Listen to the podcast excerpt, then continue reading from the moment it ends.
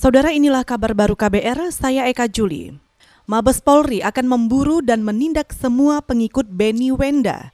Beni adalah pimpinan Gerakan Persatuan untuk Pembebasan Papua Barat atau ULMWP yang mendeklarasikan pengambilan wilayah Papua.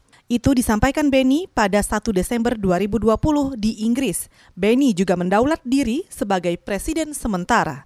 Berikut pernyataan Wakapolri Gatot Edi Pramono menyikapi daripada deklarasi Beni Wenda ya, yang disampaikan melalui Twitter, saya ingin menyampaikan pada kesempatan ini, siapa pun, kelompok mana pun yang mengikuti daripada Beni Wenda yang ingin memisahkan daripada negara kesatuan Republik Indonesia, kita akan melakukan tindakan tegas, siapa pun dia, kelompok apa pun dia, kita tidak pandang bulu.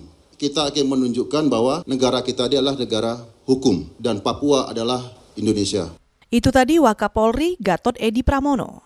Sementara itu dalam kesempatan yang sama, Ketua MPR RI Bambang Susatyo mengecam pernyataan Beni Wenda. Bambang mendukung langkah Polri untuk menindak tegas Beni Wenda dan pengikutnya. Sebelumnya, pemerintah menyebut deklarasi kemerdekaan Papua Barat oleh Beni Wenda sebagai tindakan makar.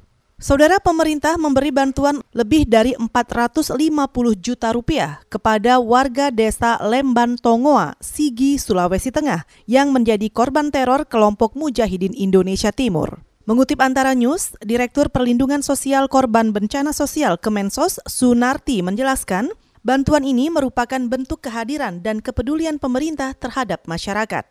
Bantuan itu diberikan secara simbolis, antara lain berupa santunan kepada ahli waris korban meninggal pada Kamis kemarin. Ada juga paket sembako, masker, dan lain-lain. Selain itu, Kementerian Sosial juga memberi layanan psikososial pada penyintas. Kita ke berita olahraga. Kondisi pebalap tim Repsol Honda Mark Marquez tak kunjung membaik usai menjalani serangkaian perawatan setelah jatuh saat balapan MotoGP Jerez Juli lalu.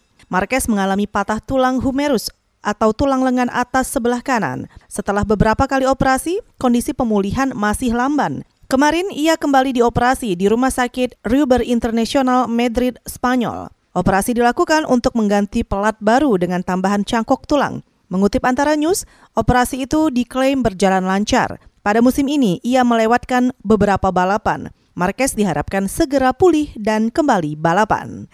Saudara, demikian kabar baru. Saya Eka Juli.